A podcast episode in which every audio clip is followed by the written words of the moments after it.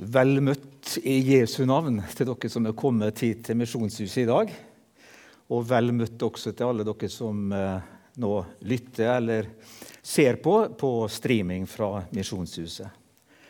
Vi har delt ei fantastisk kapittel i Bibelen, i Efeserbrevet 1, som, som, som vi har fra Paulus. Og Vi skal stanse en del fra det. Men du har kanskje lagt merke til, eh, til det at vi, har, vi, bruker å sette opp et tema for hvert semester her i Misjonshuset. Eh, vi, eh, og det Meninga er at dette temaet på en måte skal fargelegge litt også de tekstene som vi har for oss de ulike søndagene. At vi prøver å fokusere ut ifra det temaet som er satt opp. Og Det som er tema for dette semester, det er det som også er tema for, for uh, talen i dag i gudstjenesten, og er tema for gudstjenesten. Det er bærekraft. Bærekraft. Og Det er et begrep som er viktig i svært mange, for ikke å si det i alle sammenhenger. Ja, I dag så er det nesten blitt et moteord. Vi kan nesten ikke høre noe fra, på nyhetene, et eller annet program. Et eller annet. Ofte kommer dette ordet fram. Bærekraft. Det er viktig at det som vi gjør, har bærekraft. Det er svært viktig for miljøet hører vi, at vi sørger for at vi har en bærekraftig utvikling i samfunnet, i næringslivet, i arbeidslivet for øvrig, og samt hvordan vi bruker naturen og naturressursene som er gitt oss. Jeg tror alle politiske partier prøver å fremstille sin politikk som bærekraftig. Det hører du stadig vekk. Og Det gjelder oss enkelte av oss også, det at vi har bærekraft i våre liv. Som eksempel bare vår private økonomi. Hvis vi ikke har bærekraft i vår private økonomi, så blir det fort kaos. Og det kan bli til ruin for oss. Også i Guds rikes arbeid så må det være bærekraft. Og Det skal vi komme en del inn på i dag. Er det bærekraft i Guds rikes arbeid? Og Når vi har satt bærekraft opp som et overordna tema for dette semesteret, så ligger det nok litt under også at vi må legge planer for å utforme nye misjonshus i den prosessen vi er i, på en måte som gjør det at det gir bærekraft. Så vi kan, lov, som vi kan ta makt og ta ansvar for i fellesskap. Men det skal ikke komme inn på her i dag. Det skal vi komme tilbake til seinere. Så det blir spennende. Men når vi har valgt dette temaet, så tenker vi på noe som er enda større. Og har enda større betydning enn disse eksemplene som vi har nevnt innledningsvis. Og Det som jeg har lyst til å stanse litt for i dag, er stille spørsmålet er det bærekraft i den kristne tro. Er det bærekraft i våre liv som kristne? Og det er bærekraft i Guds rikes arbeid, som vårt arbeid i Misjonshuset er en del av. Det arbeidet vi også står i sin misjon, i utbredelse av Guds rike. Er det bærekraft i det i vår tid? Mange vil vel si det at det er lite bærekraft i dette som vi som kristne holder på med. De mener at vi setter vår lit til ei bok som er skrevet i fall for omtrent 2000 år siden. En del av boka er skrevet for mye lengre, lengre tid enn som så også. Og vi forholder oss til en person som, eh, som levde for like lenge siden, for omtrent 2000 år siden. En person som ble dømt til døden, og som ble hengt på et kors, og som noen påstår han har stått opp igjen fra de døde men som de fleste vil si at nei, det kan ikke være tilfellet. Det er lite bærekraft i sånt. Det er mer fantasi og ønsketenkning. Og Mange vil eh, hevde det at den kristne tro i beste fall kan bety noe positivt for den enkeltes mentale helse, men er uten relevans og bærekraft i det virkelige livet. Men vi som har møtt Jesus, gjennom vitnesbyrd om Hans i Guds ord og har kommet til tro på Han, kan vitne om noe helt annet. Det er en tro som bærer. Det er en tro som bærer oss.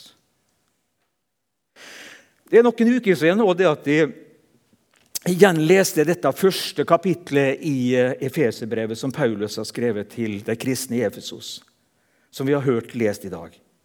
Og Det slo meg når jeg leste dette fram. og Jeg tenkte at vi har jo dette, har bevisst på at vi har dette temaet for dette semesteret bærekraft. Og så tenkte jeg du verden for ei bærekraft i disse ordene her. Og Det som vi gjør nå, det er at jeg inviterer deg inn til, til å være med på ei lita vandring gjennom dette kapitlet med bærekraft som fokus. Og se hvordan den kristne tro gir bærekraft. At det til og med er bærekraft i ditt liv som kristen, og at det er bærekraft i Guds rike i dag også. Vi har ikke tid til å gå i dybden her, det forstår dere når vi skal gå gjennom så mange, et så langt kapittel med så enormt med innhold. Så det blir litt på overflata, men vi skal prøve å se på hva dette kapitlet sier om troens bærekraft. Og den bærekraft du har i ditt liv. Vi kan gjerne si det sånn at det første som sies i dette kapitlet, etter at en, en hilsen til de kristne i Efesos, så kommer det i det tredje verset så kommer dette verset som vi gjerne kan sette som en overskrift over resten av kapitlet. Iallfall den første delen av kapitlet.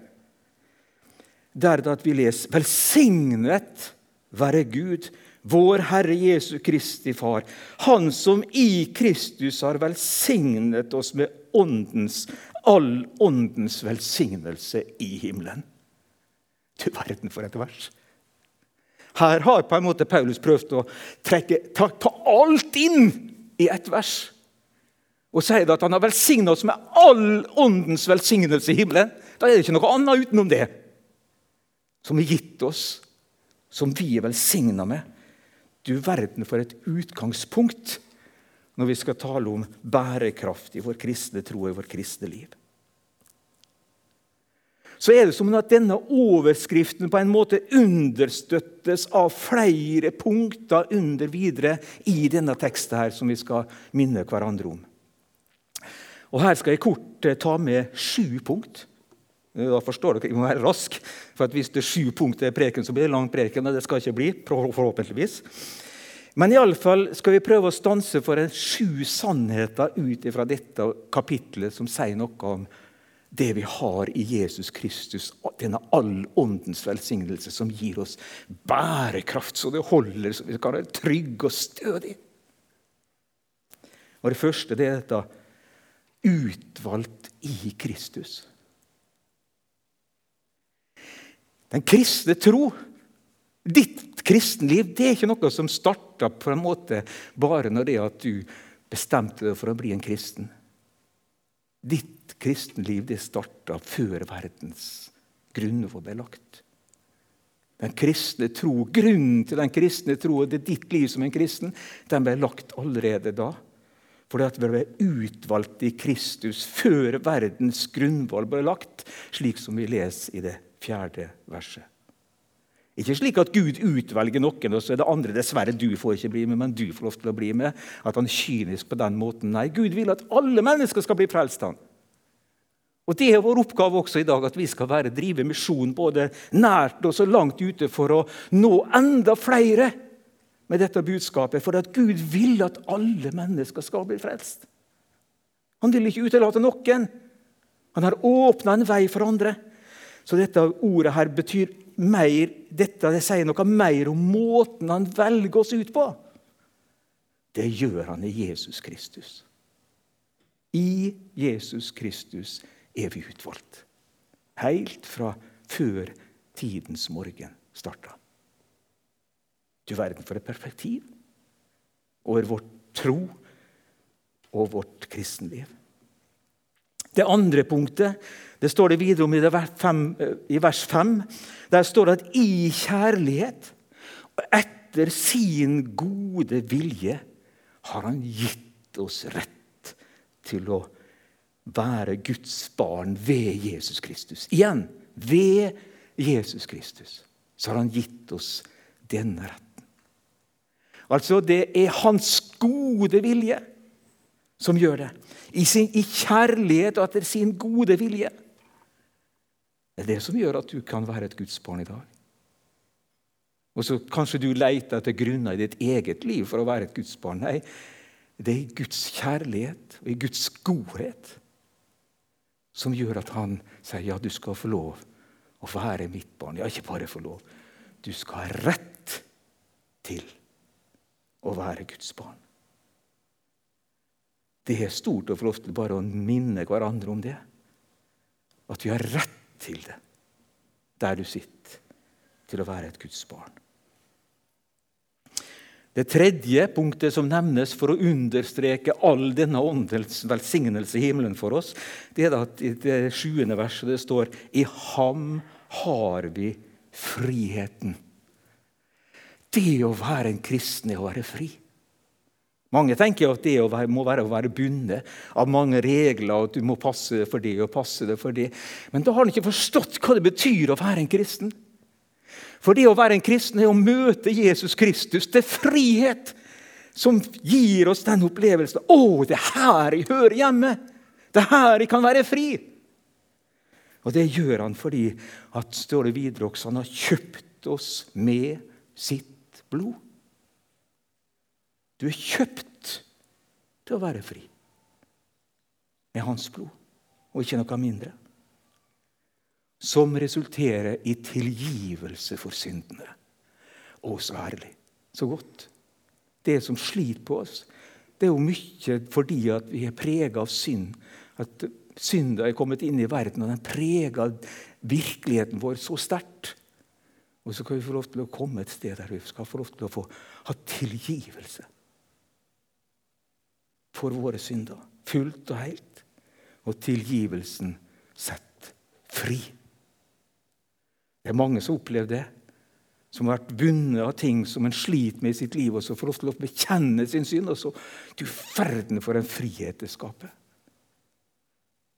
I trua på Jesus Kristus. Det fjerde punktet det er det som står om i vers 7 og 8, om Guds nåde. Og det er ikke småtteri. Der det står 'Så rik er Guds nåde, som Han har latt strømme over oss'. Legg merke til uttrykket her. Vi, så, vi, vi tenker så altfor smått om Guds nåde. Vi må på en måte nesten trygle oss til det. Vi tror ikke for at så dukker det ting opp i vårt liv igjen. Det er, det at, det er som det at vi ikke kan nesten tro at Gud har tilgitt oss. Og Så sier altså Guds ord oss at så rik er Guds nåde som Han har latt strømme over oss. Nåden er som å være i en elv, som strømmer det rikelig. Hele tida få lov til å leve i Guds nåde, tilgitte syndere. Så få lov til å leve i Guds nåde med sine liv. Det femte punktet det er at han fullførte sin frelsesplan. Han fullførte. Da han også hang på korset, Jesus hang på korset, så ropte han 'Det er fullbrakt'. Det betyr nå er alt ferdig. Nå er alt gjort for at mennesker skal bli frelst. Mennesker får lov til å høre Gud til. Han fullførte sin, sin frelsesplan, og han sammenfatta alt i Kristus, slik som det står i vers 10. Ser du linja her? Utvalgte Kristus før verdens grunnvoll ble lagt. Og så kommer dagen mange tusen år etter, eller flere tusen år etterpå iallfall. Og så Og så fullfører Jesus frelsesverket. Guds frelsesverk og Guds frelsesplan. Det sjette Jeg skulle tro at det snart er nok, men du verden, det er stadig mer. Og Det sjette det at vi da, fordi at Gud har, Jesus har fullført frelsesverket i Jesus Kristus, og at vi er tilgitt til syndere, vi er overstrømmet av Guds nåde, og at vi har rett til å være Guds barn, så er vi også arvinger. Guds arvinger. Jesu Kristi medarvinger. Du verden for et liv! Du verden for en rettighet! Vi eier altså alle Guds rikdommer. Det arver vi, er vi arvinger av, og som vi en dag skal, full, skal oppleve fullt og helt da Gud oppretta sitt evige rike synlig for alle. Vi er arvinger, Guds arvinger og Jesu Kristi medarvinger, som vi leser om i vers 11 i dette kapitlet. Og det siste punktet, det sjuende punktet, er dette at vi er merka med et seil. Vi har fått Den hellige ånd, som heter et seil for oss. Som altså skal, skal, Da vi kom til tro, så fikk vi Den hellige ånd, slik som det står også skrev, beskrevet her i, i vers 13 og 14. Et seil. Hvorfor det? Fordi at vi er Guds eiendom. Det betyr det er vår sikkerhet. Når en setter sitt seil på noe, så betyr det at 'dette er min eiendom'. Dette eier jeg. Når Gud setter sitt seil på oss, altså gir oss Den hellige ånd, så er et vitnesbyrd at Gud sier 'Du er min eiendom'. Du er mitt kjære barn.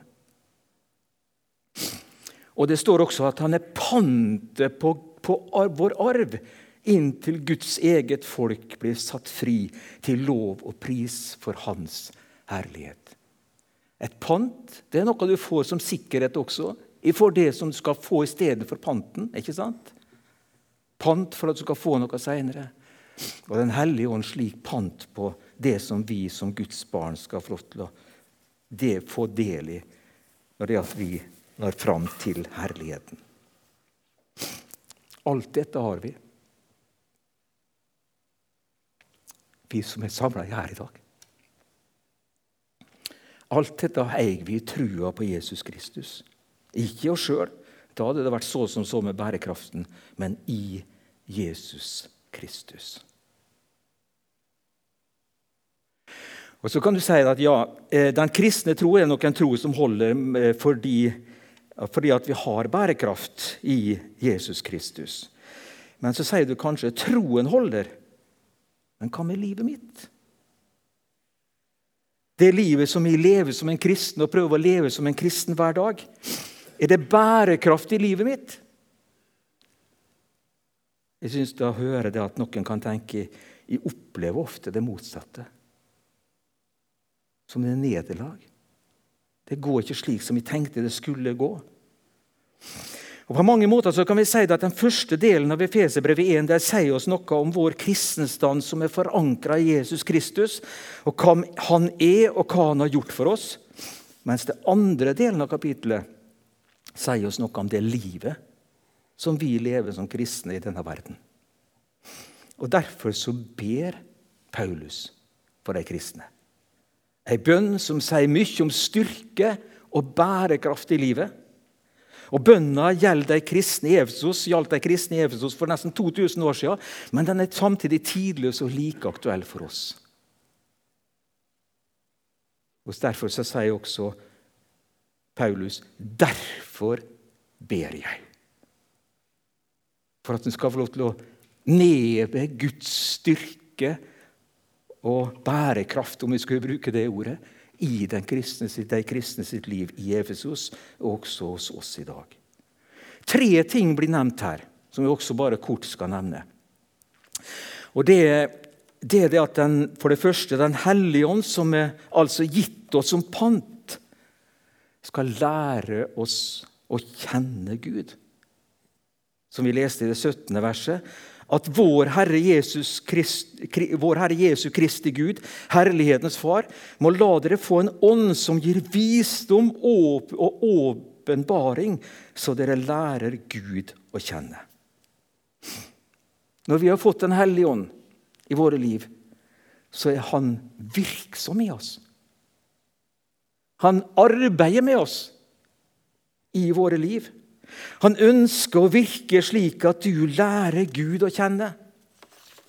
At Hans storhet og fylde blir åpenbart til visdom og innsikt. i ditt liv. At du slik skal vokse som en kristen og som en Jesu Kristi disippel. Det har du sikkert erfart sjøl òg, hvordan Guds ånd arbeider i ditt liv. Og gjennom det at vi lever der, kristenlivet, sammen med Den hellige ånd på en måte som virker i våre liv, så øker det visdommen, innsikten, kjennskapet til Gud. Og det gjør noe med et menneske. At vi kan vokse som disipler, etterfølgere, i våre liv og i vår hverdag. Det andre punktet som han nevner og som han ber om, det dette at, at han kan lyse opp for oss og gi oss et håp som vi leser i det 18. verset, må Han gi dere lys til hjertets øyne, så dere får innsikt i det håp som Han har kalt dere til, hvor rik og herlig Hans er, arv er for de hellige. Han lyser opp for det slik at du kan se det håpet du har som en kristen, som Gud har gitt deg, og at dette håpet får betydning også i hverdagslivet ditt. Det å leve som en kristen, hverdagslivet som en kristen, det å leve med himmel over livet. der. Med håp over livet, uansett hvordan livet er. Så mister du aldri håpet. Et evig mål der vi fullt og helt blir satt fri og lever i evig herlighet hos Gud. Får vi se inn i det håpet som Gud har gitt oss, så er det et håp som gir utholdenhet. Det er et håp som gir glede. Det er et håp som gir pågangsmot. Hvis vi kan få lov til å eie dette håpet. Vi skal ikke drømme oss vekk i et håp langt der framme. Nei, dette håpet skal virke i våre liv i dag til å gi oss kraft og styrke til å være utholdende og ha pågangsmot og ha glede i vårt liv. Det tredje han sier, det er at han er nær oss med sin kraft og styrke. At, eh, som det står i det 19. verset, og hvor overveldende hans kraft er hos oss som tror. Hørte du det? Hans kraft, den er overveldende til stede i ditt liv. Ikke nok med det at han er nær oss med sin kraft og styrke, men det står noe mer om denne makten og styrken faktisk som er nær deg i ditt kristenliv, i vers 20-21. Der står det med denne veldige makt, altså den makt som er nær i ditt liv. Med denne makt og styrke reiste han Kristus opp fra de døde og satte ham ved sin høyre hånd i himmelen over alle makter og åndsherrer, over alt velde og herredømme og over alle som nevnes kan, ikke bare denne tid, men også i den kommende. Altså den samme kraft og styrke som Gud brukte til å reise Kristus opp fra de døde, og plasserte han der han er i dag, ved Guds høyre hånd. Den kraften er til stede i ditt liv. Den er reell i ditt liv. Er det sant?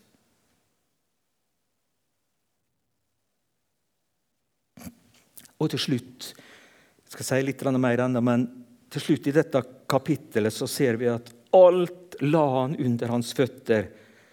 Og ham, hodet over alle ting, ga han til kirken, som er Kristi kropp, fylt, fylt av ham som fyller alt i alle. Du verden for noen ord. Det gjelder ditt liv. Det gjelder hvem du er. Bærekraft så det holder. Både for troen og for livet. Men da skulle vi jo tro det at eh, det skulle gå på skinner for en kristen. Fra suksess til suksess. Når vi har slike krefter i våre liv. Er det slik? Det kan være en nærliggende tanke å tenke slik. Og det er noen som også vil lære det. Men jeg tror Bibelen faktisk forteller oss litt annet. Ser litt annerledes akkurat på det. Men vi har veldig lett for at når det at eh, noe ikke fungerer i vårt kristenliv, så tenker vi at det må være noe feil med meg. Jeg har jo lidelse, jeg har jo prøvelser, jeg har situasjoner som er vanskelig. Er det meg det noe feil med? Det som er sant, er at et slikt budskap som dette først, i første kapittel i Fesebrevet, innebærer, det det innebærer, gir oss grunn til frimodighet.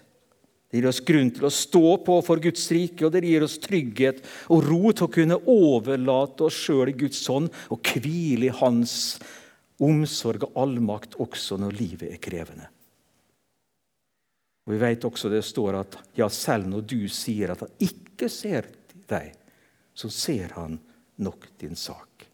Romerbrevet 8 det der På slutten der så sier han bare jeg er viss på at verken død eller liv, verken engel eller krefter, verken det som nå er eller det som kommer, eller noen markvektning, det som er i det høye eller i det dype, eller noen annen skapning, skal kunne skille oss fra Guds kjærlighet i Kristus Jesus, vår Herre. Du får lov til å legge ditt liv i Guds hånd. Ingenting kan skille det fra Guds kjærlighet i Jesus Kristus. Men merkelig nok, så, eh, kanskje ikke så merkelig heller, men Gud fremmer ikke sin makt slik vi er vant til i denne verden. Nei, Guds makt kan faktisk, sett med verdens øyne, fortone seg som svakhet. For Guds kraft fremmes ikke først og fremst gjennom utøvelse av makt, gjennom krig eller andre konflikter, men det fremmes gjennom kjærlighet og ved å tjene. Det er den eneste måten Guds rike kan ha framgang på det. Gjennom kjærlighet og gjennom å tjene. Og vi ser det Da Jesus gikk om, omkring på jord, så sa han ofte, han brukte ofte dette uttrykket 'Guds rike er kommet nær'. Men måten som Jesus fremma Guds rike på, var ved å gå rundt omkring og vise godhet og kjærlighet mot mennesker han møtte. Han blei en tjener blant oss, står det. En merkelig måte å fremme makt på. Men det er den måten han gjør det på. Og han viste sin kjærlighet mot oss ved å gi sitt liv, ytre seg til et nederlag.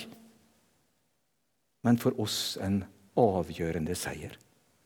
Og Derfor så kan han også lese i Kolossensbrevet 2,15 han kledde maktene og åndskreftene nakne og stilte dem fram til spott og spe da han viste seg som seierherre over dem på korset.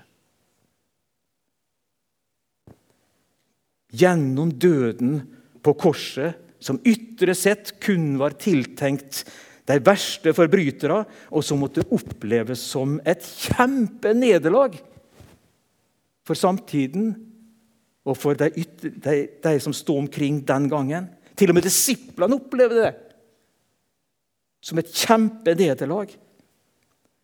Viser oss at der på korset, der seira Jesus Kristus over makta og åndskrefta ved at han sona våre synder. Og dermed så avvæpna han åndskreftene gjennom det. Ser vi på Kirkas historie opp gjennom tida, tida, så ser det ut som det at det ikke er når Kirka ytre sett står sterkt, at den faktisk har størst framgang. Tenk på den første kristne tid når Paulus reiste rundt også. Den første kristne tid var ytre sett ei vanskelig tid med forfølgelse og trengsel. Når Paulus reiste rundt omkring i sin misjonsvirksomhet, så sies det Noen kan si det sånn at Paulus bør ikke undersøke hvilket hotell han skal bo på når han kommer til en ny by. Han bør undersøke hvordan forholdene er i fengselet. For her havner han ofte. Ja, vi leser om martyrium. Nederlag ytre sett. Men du, hvor Guds rike hadde fremgang i den tida? Ser vi også på f.eks. det kristne i Kina, som er et hjertebarn for oss som er i NLM, så er det jo nettopp den fremveksten som har skjedd, har ikke akkurat gått på skinner. Det var i tide at vi kunne ha misjonærer der ute. Men til slutt så kunne vi ikke det, fordi at det kom styresmaktene som ikke ville det, og ville utradere den kristne tro. Men så ser vi det at det har vokst fram allikevel. I det at egentlig det ser ut som det er det er altså et nederlag der, der i Kina. Så vokste det ei kristen menighet fram allikevel. Og Ser vi også i dag, f.eks. i vår tid, på den vekkelse som vi hører om i den muslimske delen av verden, at det er mange som kommer til tro på Jesus, faktisk. At det er en ny vekkelse i den muslimske delen av verden.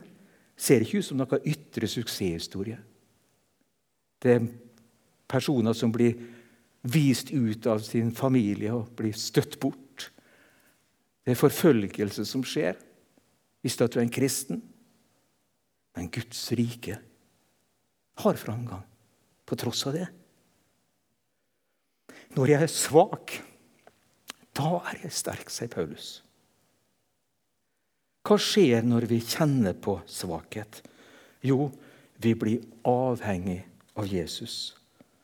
Og i troen på Han så har vi en styrke som holder. Han er oss nær med styrke midt i vår svakhet. Det er hans styrke som gjelder i våre liv. Ikke slik at vårt liv i det ytre sett ser ut som en suksess alltid. Men hans makt, hans fred, hans styrke bærer oss igjennom de prøvelsene som vi måtte møte. Ikke ved at han først og fremst løfter oss ut av det som vi kjemper med, for det kan han også gjøre. Når noen kommer i en syk, blir syk, så kan Jesus gjøre det under at en blir, en blir frisk. Men som ofte så bærer han oss igjennom med det som vi kjemper med. Han kan midt i det som er vanskelig, gi oss en fred som overgår all forstand. Og Det syns de er større, faktisk. Enn at han suverent skulle liksom bare løfte oss bort fra det som er vanskelig. Men han har kraft til å bære oss igjennom til å føre oss igjennom det som er krevende i våre liv. Og Her er det ofte fokus som er det avgjørende. Hva har vi fokus på i våre liv? Er det dette som gir oss bærekraft? For meg så ble iallfall dette kapitlet først i Efeserbrevet, dette første kapitlet der, et vitnesbyrd om bærekraft. Bærekraft i troen og for troen. Bærekraft i livet og for livet. Bærekraft i håpet og for evigheten. Amen.